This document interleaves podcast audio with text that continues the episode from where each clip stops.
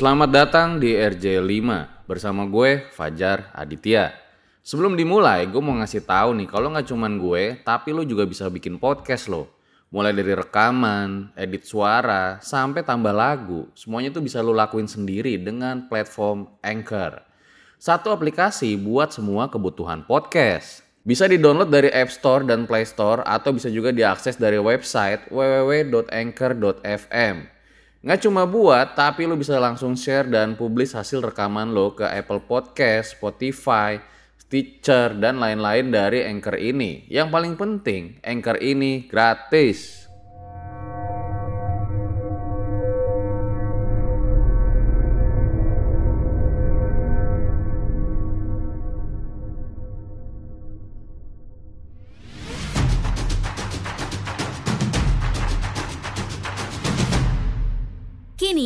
Podcast Network. Bri, Bri, Sosok perempuan berbaju putih dengan motif bunga kerap muncul dan membuat Bri beserta yang lainnya ketakutan. Kedatangannya kerap kali ditandai dengan aroma sebuah bunga. Kami memanggilnya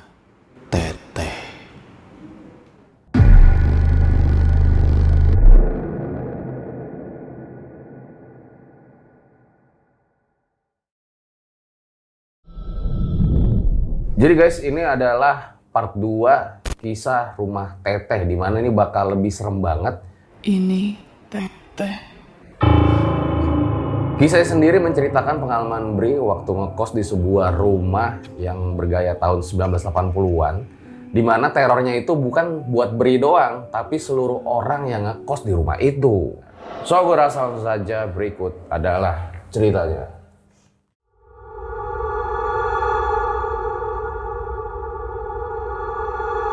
Beberapa waktu berlalu, ada aja tuh kanen-kanen yang dialamin Bri sama yang lainnya ketika di kosan. Tapi sebisa mungkin nih, kalau ada kanen-kanean itu, mereka bahas tentang teteh di luar kosan. Kamar Bri itu dilengkapi fasilitas kayak komputer, gitar listrik, pokoknya nyaman banget deh kalau main di kamar kosan Bri. Nah makanya tuh anak-anak yang lain suka main ke kamar, termasuk si Sisi dan juga Memi. Bahkan mereka berdua itu suka nonton TV sampai larut malam di kamar Bri, kayak di malam ini. Saat Bri lagi enak-enak tidur, dia dengar suara Sisi lagi ketawa cekikikan. Bri kebangun tuh, dia ngelirik sekilas suasana di kamarnya yang benar-benar sepi karena emang lampu kamarnya tuh udah mati, cuman ada cahaya dari TV doang. Bri coba ambil handphonenya di bawah bantal, Eh, tahu-tahu dia lihat malah ada pesan masuk yang dikirim oleh Sisi. Mas Bri, aku dan Memi pergi ke rumah tante di Buah Batu. Maaf ya, kayaknya tadi aku lupa matiin TV karena terburu-buru. Terus pertanyaannya, cewek yang ada di kamar ini siapa? Jangan-jangan si Teteh lagi. Bri di situ benar-benar deg-degan banget. Dia takut karena ini pertama kalinya lah si Bri satu kamar dengan Teteh. Kecium juga aroma bunga yang sangat kuat. Nggak tahu tapi bunga apa sih Bri. Nantinya aroma bunga ini tuh jadi ciri khas dari kedatangan Teteh. Bri semakin ketakutan. Bulu kuduknya udah merinding gak karuan tuh. Tubuhnya juga bergetar saking takutnya. Dia langsung narik selimut aja dah buat nutupin seluruh tubuhnya. Tapi mendadak suasana begitu hening, suara misterius itu udah hilang gitu guys. Nah bau aroma bunga tadi juga perlahan menghilang. Nah di situ si Bri ini ngintip sedikit dari selimut ya, ternyata teteh udah nggak ada. Gak lama kedengaran suara gerasak gerusuk dari gerbang depan tuh pas dilihat ternyata sama Bri. Si Memi sama Sisi itu udah pulang ke rumah. Nah pada malam itu juga si Bri kapok dia langsung ngungsi ke kamar Doni.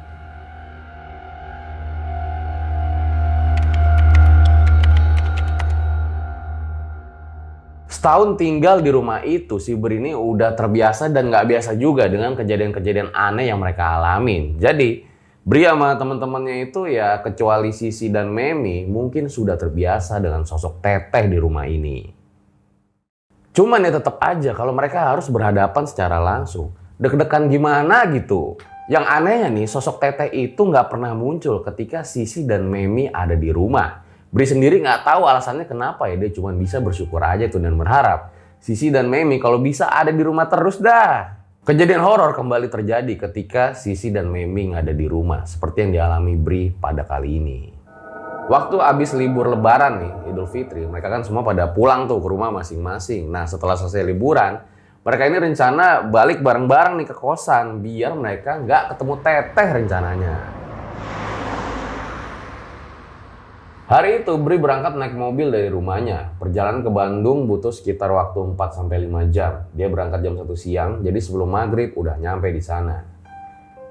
Bener aja tuh, jam 5 sore si Bri itu udah datang di rumah. Dia lihat parkiran mobil di halaman kosan itu masih kosong. Bang, kayak ini orang-orang pada ke mana coba? Dia masuk tuh, ya udahlah dia rebahan dulu. Sampai jam 8 malam, ternyata temen-temennya belum ada yang pada datang juga.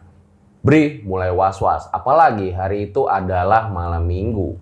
Malam di mana Tete itu paling suka muncul, entah apa alasannya. Dan anehnya lagi, Tete itu malah nggak pernah muncul ketika Sisi sama Memi itu ada di kosan. Entah apa alasannya, tapi Bri itu bersyukur banget ya. Kalau Sisi dan Memi ada di kosan. Masalahnya malam ini Sisi Memi itu belum muncul juga tanda-tanda kedatangannya. Jadi si Bri itu sendirian doang di rumah ini. Dia mulai was-was. Dia coba tuh lihat rumah di seberang rumah pamannya Rudi ternyata gelap yang tandanya nggak ada orang.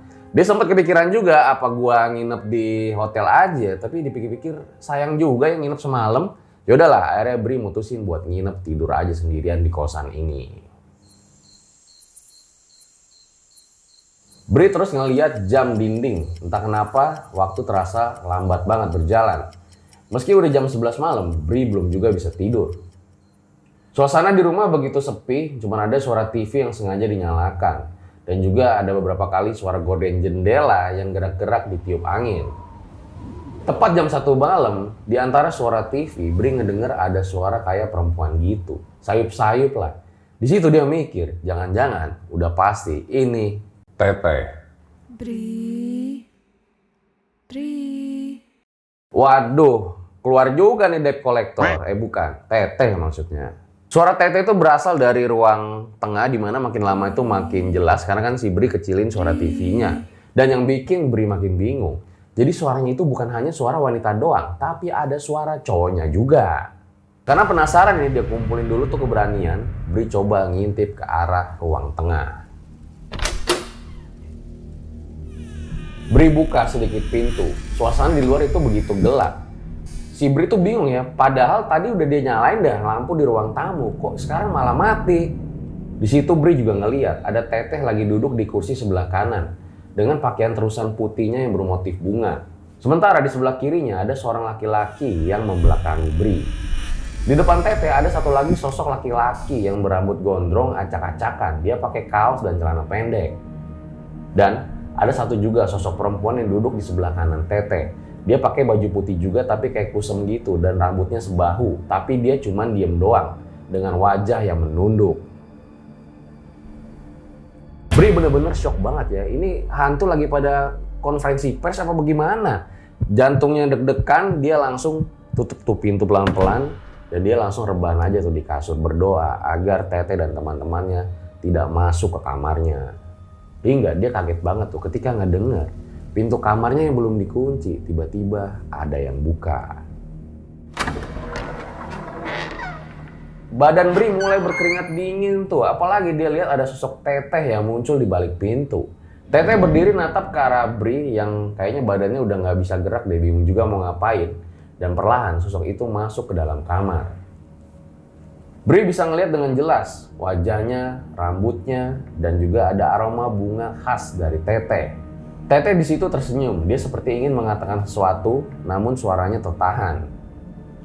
Beberapa saat setelahnya muncul lagi satu sosok laki-laki. Dia pakai kemeja putih lengan panjang, jalan ke arah jendela dan cuman diem doang sambil menatap ke arah luar. Dan ternyata belum selesai sampai di situ. Muncul lagi satu sosok perempuan yang berambut pendek. Dia masuk ke dalam kamar Bri dan berdiri di samping kiri Tete. Mereka semua tersenyum seperti ingin mengatakan sesuatu, tapi tidak bisa. Bri yang gak kuat dengan suasana itu, akhirnya pingsan. Bri. Bri. Sampai di pagi harinya nih dia itu dibangunin sama Asep ya. Di situ pas Bri sadar, dia bingung ya semalam itu antara mimpi apa bukan. Tapi yang jelas sejak malam itu Bri sama sekali tidak berani untuk tidur sendirian di rumah Teteh.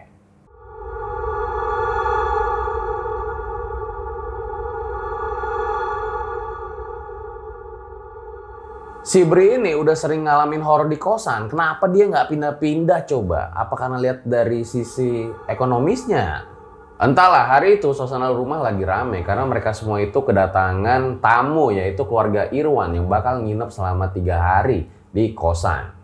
Yang datang itu bisa dibilang keluarga besar karena ada orang tuanya, kakak perempuannya, terus anak dari kakak perempuannya, terus juga ada mertua dari bibi sama kakeknya, terus juga ada temen tetangga dari saudara iparnya. Nggak guys, nggak guys, yang datang itu cuman orang tua, kakak perempuannya sama Ana. Nah, Ana ini adalah bocah yang masih kecil. Suasana seperti inilah yang beri tunggu-tunggu karena kan kosan jadi rame. Terus udah pasti kalau ada keluarga yang datang, meja makanan itu jadi penuh. Ya maklum anak kos. Saat baru datang, keluarganya Irwan itu cerita ya tentang perjalanan mereka menuju ke kosan.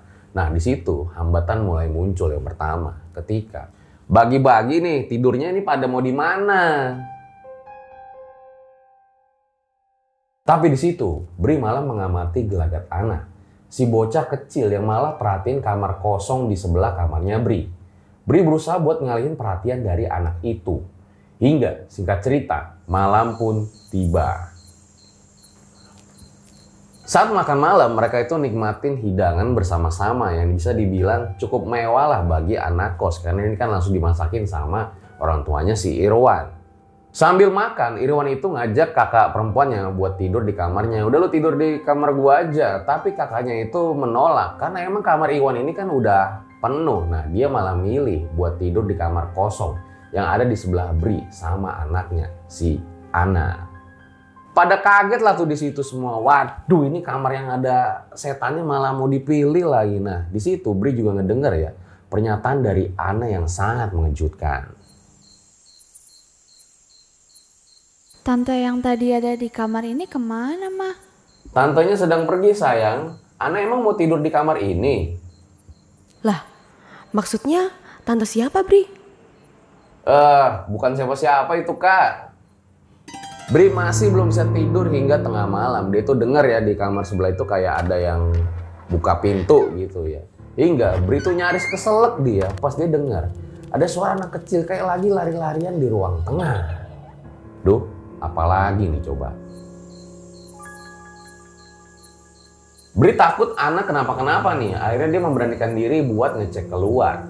Bri ngintip tuh dari balik pintu. Suasana ruang tengah ya rada gelap walaupun ada sedikit cahaya ya dari jendela belakang.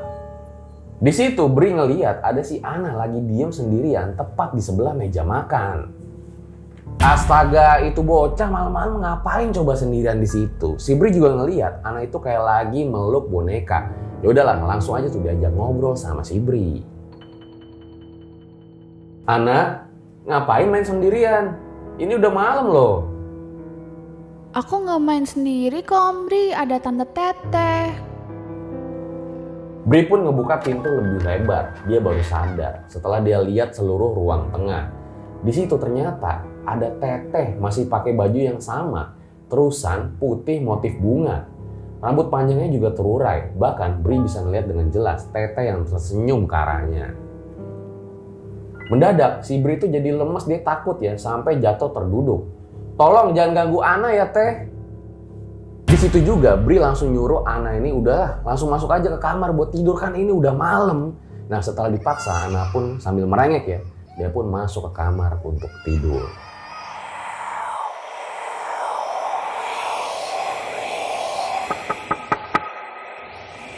Ini Teteh.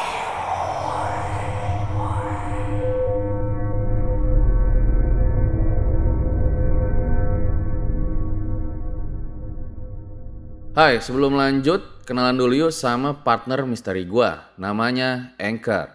Anchor ini adalah all-in-one podcast editing platform yang membuat gue lebih mudah untuk rekaman, edit suara, tambah lagu. dan segala hal dalam pembuatan podcast yang sedang kamu dengerin kali ini. Anchor bisa ngebantu kamu bikin podcast kamu sendiri. Caranya tinggal download dari App Store dan Play Store. Atau bisa juga diakses di www.anchor.fm. Jadi download Anchor sekarang juga.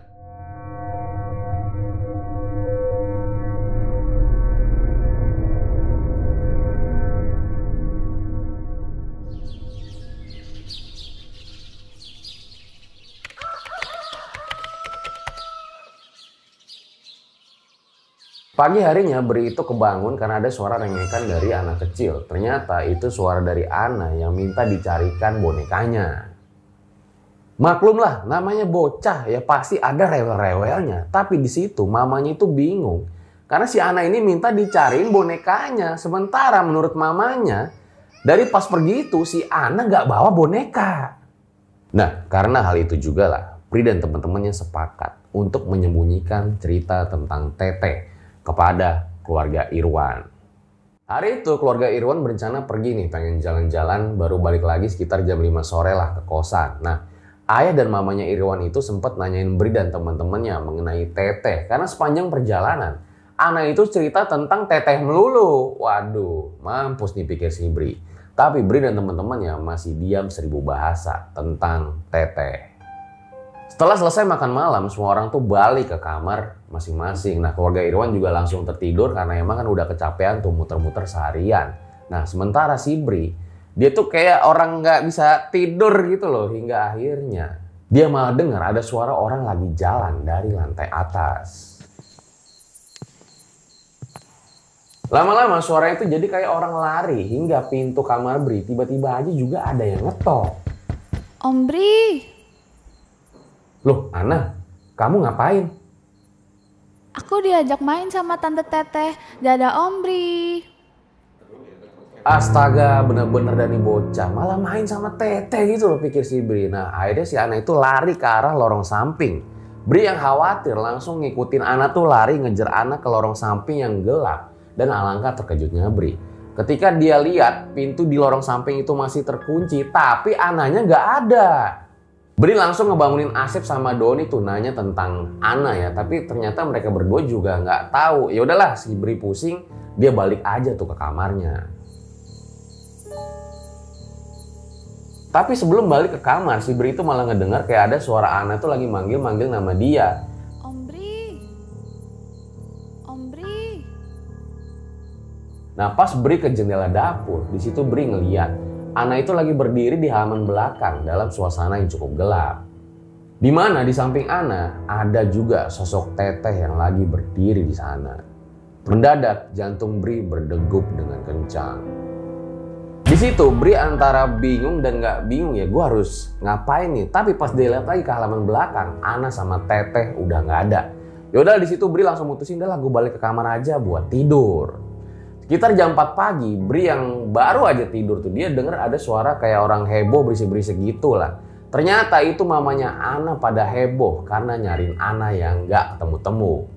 Mereka mutusin buat sholat subuh dulu tuh, baru nyari Ana setelahnya. Setelah selesai sholat subuh, Ana dicari-cari tuh nggak ketemu sama sekali. Bahkan ayahnya Irwan ini sampai mau laporin ke polisi. Eh, taunya tiba-tiba aja si Ana malah muncul dengan santainya dari lorong samping. Di situ dia bilang kalau abis main sama Teteh tadi. Teteh, Teteh siapa? Bingung dong keluarga dari Irwan ini. Ya udahlah akhirnya Bri dan yang lainnya pun tidak bisa menutupi hal tentang Teteh. Ya udahlah akhirnya Bri ceritalah tentang sosok Teteh. Mendengar itu, mamanya Irwan ini takut. Dia pengen langsung kita pulang aja lah hari ini juga. Tapi ayah Irwan itu nggak takut sama sekali ya dan bahkan kayak nggak percaya gitu sama cerita Bri dan teman-temannya. Sempet terjadi perdebatan keras tuh karena yang lain pengen udahlah kita mending nginep di hotel aja kan tinggal semalam doang. Tapi ayahnya Irwan yang nggak percaya dengan hal-hal begituan, maksa udahlah kita tidur semalam lagi aja di sini. Nah, ketika makan malam tiba, semuanya makan malam bersama lagi nih. Hingga tiba-tiba aja semuanya itu berubah dengan ucapan dari ayah Irwan yang bikin serem banget. Alah, kalian tuh ya Masa takut sama setan? Setan, hantu, atau apa pun itu, mereka itu tetap derajatnya di bawah kita sebagai manusia. Entah kebetulan apa gimana, nggak lama pintu kamar Teteh kebuka lebar sendiri. Ayah Irwan pun datang ke sana buat menutup pintu itu. Alah, paling yang tertiup angin. Nih, sekalian om nyalain lampunya. Setelah kejadian itu, mereka akhirnya tidur tuh balik ke kamar masing-masing. Nah, Ana sama mamanya Ana sekarang tidur di kamar Irwan daripada daripada kan. Entah kenapa Bri itu ketika di kamar ya perasaannya itu kayak gelisah gitu loh. Padahal yang nggak terjadi apa-apa. Ya udahlah Bri coba buat tidur aja. Dalam tidurnya, Bri itu mimpi dia lagi berada di sebuah taman bermain. Tamannya itu cukup indah, alasnya rumput hijau. Di sana lagi ada beberapa anak kecil lagi main ayunan, jungkat-jungkit, prosotan, dan lain-lain. Bri kagum ya dengan keindahan taman itu hingga fokusnya itu terhenti ketika ada satu anak yang gak asing di sana, yaitu Ana. Loh, kok ada si Ana? Dan gak jauh dari Ana, ada satu sosok perempuan dewasa yang berdiri menggunakan baju motif bunga dan rambut yang digerai yang ternyata itu Teteh. Dalam mimpi itu, jarak antara Bri dan Teteh cuma sekitar 15 meter aja. Dan Bri sama sekali nggak punya perasaan takut ya kayak sebelum-sebelumnya dengan Teteh. Dia berani tuh nyamperin Teteh pada saat itu. Om Bri, Om Bri di sini juga. Ana, kamu lanjut main ya. Oh mau ke tante Teteh dulu nih. Pertama kalinya Bri ngeliat jelas sosok Teteh. Tinggi tubuhnya hampir sama dengan Bri, rambutnya panjang. Teteh terlihat begitu cantik lah sampai ngebuat Bri ini jadi pangling. Bri, aku ajak Anda bermain di taman sebentar saja ya.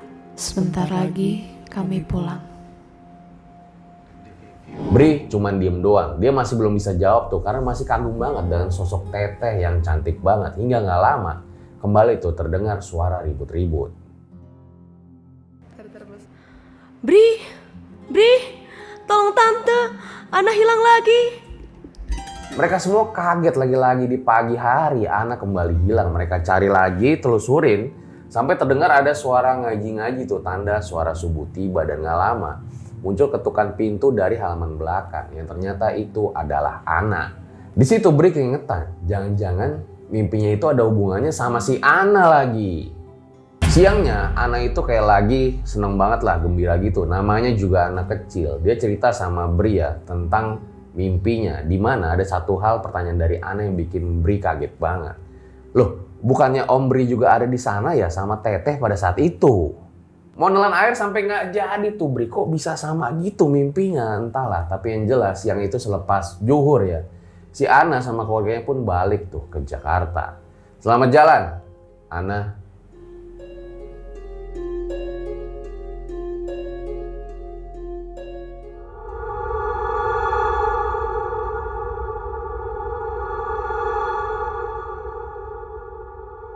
Hari itu Bri tiba di rumah Teteh bareng sama si Nando yang kemarin itu baru tugas selama tiga hari di lapangan. Nah, selama tugas itu ternyata si Nando itu ketemu sama Hendro. Hendro dulu pernah ngekos di rumah itu, tepatnya di kamar kosong, yaitu kamar Teteh. Tapi belum sebulan, si Hendro itu udah pergi begitu aja. Si Bri sama yang lainnya tuh jadi belum tahu gitu lah alasan Hendro kenapa pergi pada saat itu. Tapi ya mereka sebenarnya tahu juga sih. Waktu itu Nandro bertukar cerita tuh sama si Hendro. Si Hendro bilang ya jadi yang pertama kali bukain dia pintu itu adalah seorang perempuan. Rambutnya panjang usianya 30 tahunan. Pakai baju terusan motif bunga. Teteh namanya. Nah setelah itu Hendro banyak mengalami kejadian-kejadian horor juga. Di situ Hendro bilang tuh, jangan-jangan Teteh ini punya kisah tragis dalam hidupnya.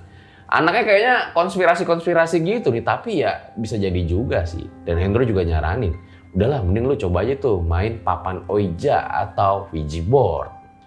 Ini gue salah apa enggak ya pelafalannya ya?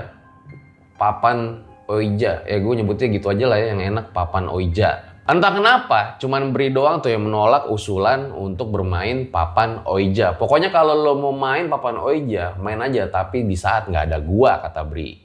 Bri kayaknya nggak mau bikin masalah jadi rumit deh, apalagi komunikasi via papan OIJ ini. Tapi ini kan namanya negara demokrasi, suara terbanyak lah yang diambil. Malam itu mereka sudah mempersiapkan semua. Teman-temannya kecuali Bri udah ngumpul di meja makan. Bri lebih milih pergi dari rumah aja dah. Bahkan di sana juga ada Bang Kopral. Jadi papan Oija itu adalah permainan papan datar bertuliskan 26 huruf alfabet. Lalu ada juga angka 0 sampai 9 dan beberapa kata singkat, ya dan tidak. Para pemain menempelkan jari pada alat petunjuk, mengajukan pertanyaan, lalu kemudian diarahkan oleh arwah, roh, hantu, setan, sejenisnya yang mengeja jawaban dari pertanyaan itu. Mereka mulai melakukan ritual sekitar jam 10 malam. Di situ Nando sama Doni ngerasa suasana udah mulai sepi dan mencekam. Ada yang pernah main papan Oija? Halo. Halo. Apakah Teteh ada di sini? Teteh ada di rumah ini apa enggak sih? Jawab dong. Si Doni bener-bener ketakutan banget tuh, nggak sengaja dia juga kayak ngerasa ada angin lewat tuh, tengkuknya gitulah. Lagian, ada-ada aja sih. Nah, karena si Doni itu takut dan panik banget, dia pun langsung memutuskan untuk masuk aja lah ke kamarnya daripada daripada. Dan gak lama, kejadian horor pun mulai terjadi di malam itu. Papan Oija itu bergerak sendiri dan menjawab, ya. Gak lama ada juga suara benda-benda terbanting dari kamar kosong di sebelah. Suasana mulai mencekam diiringi dengan suara tawa yang berganti menjadi tangisan dari Teteh. Sepertinya si Teteh ini marah loh. Nando tuh juga jadi makin panik banget. Dia langsung pergi juga ke kamar Doni. Nah, Bang Kopral pulang ke rumahnya. Sekitar jam 11 malam, Nando sama Doni ini malah ngedenger lagi ada suara cekikan dari lorong kamar. Mereka tuh berdua udah takut banget ya, tapi bingung juga harus ngapain lagi. Nggak lama, ada suara pintu samping yang terbuka yang ternyata itu adalah Asep. Nah, Si Doni sama Nando ceritain tuh kronologi mereka bermain papan Oija sama si Asep. Jadilah mereka tidur umpol-umpolan bareng tuh di kamar Doni pada malam itu.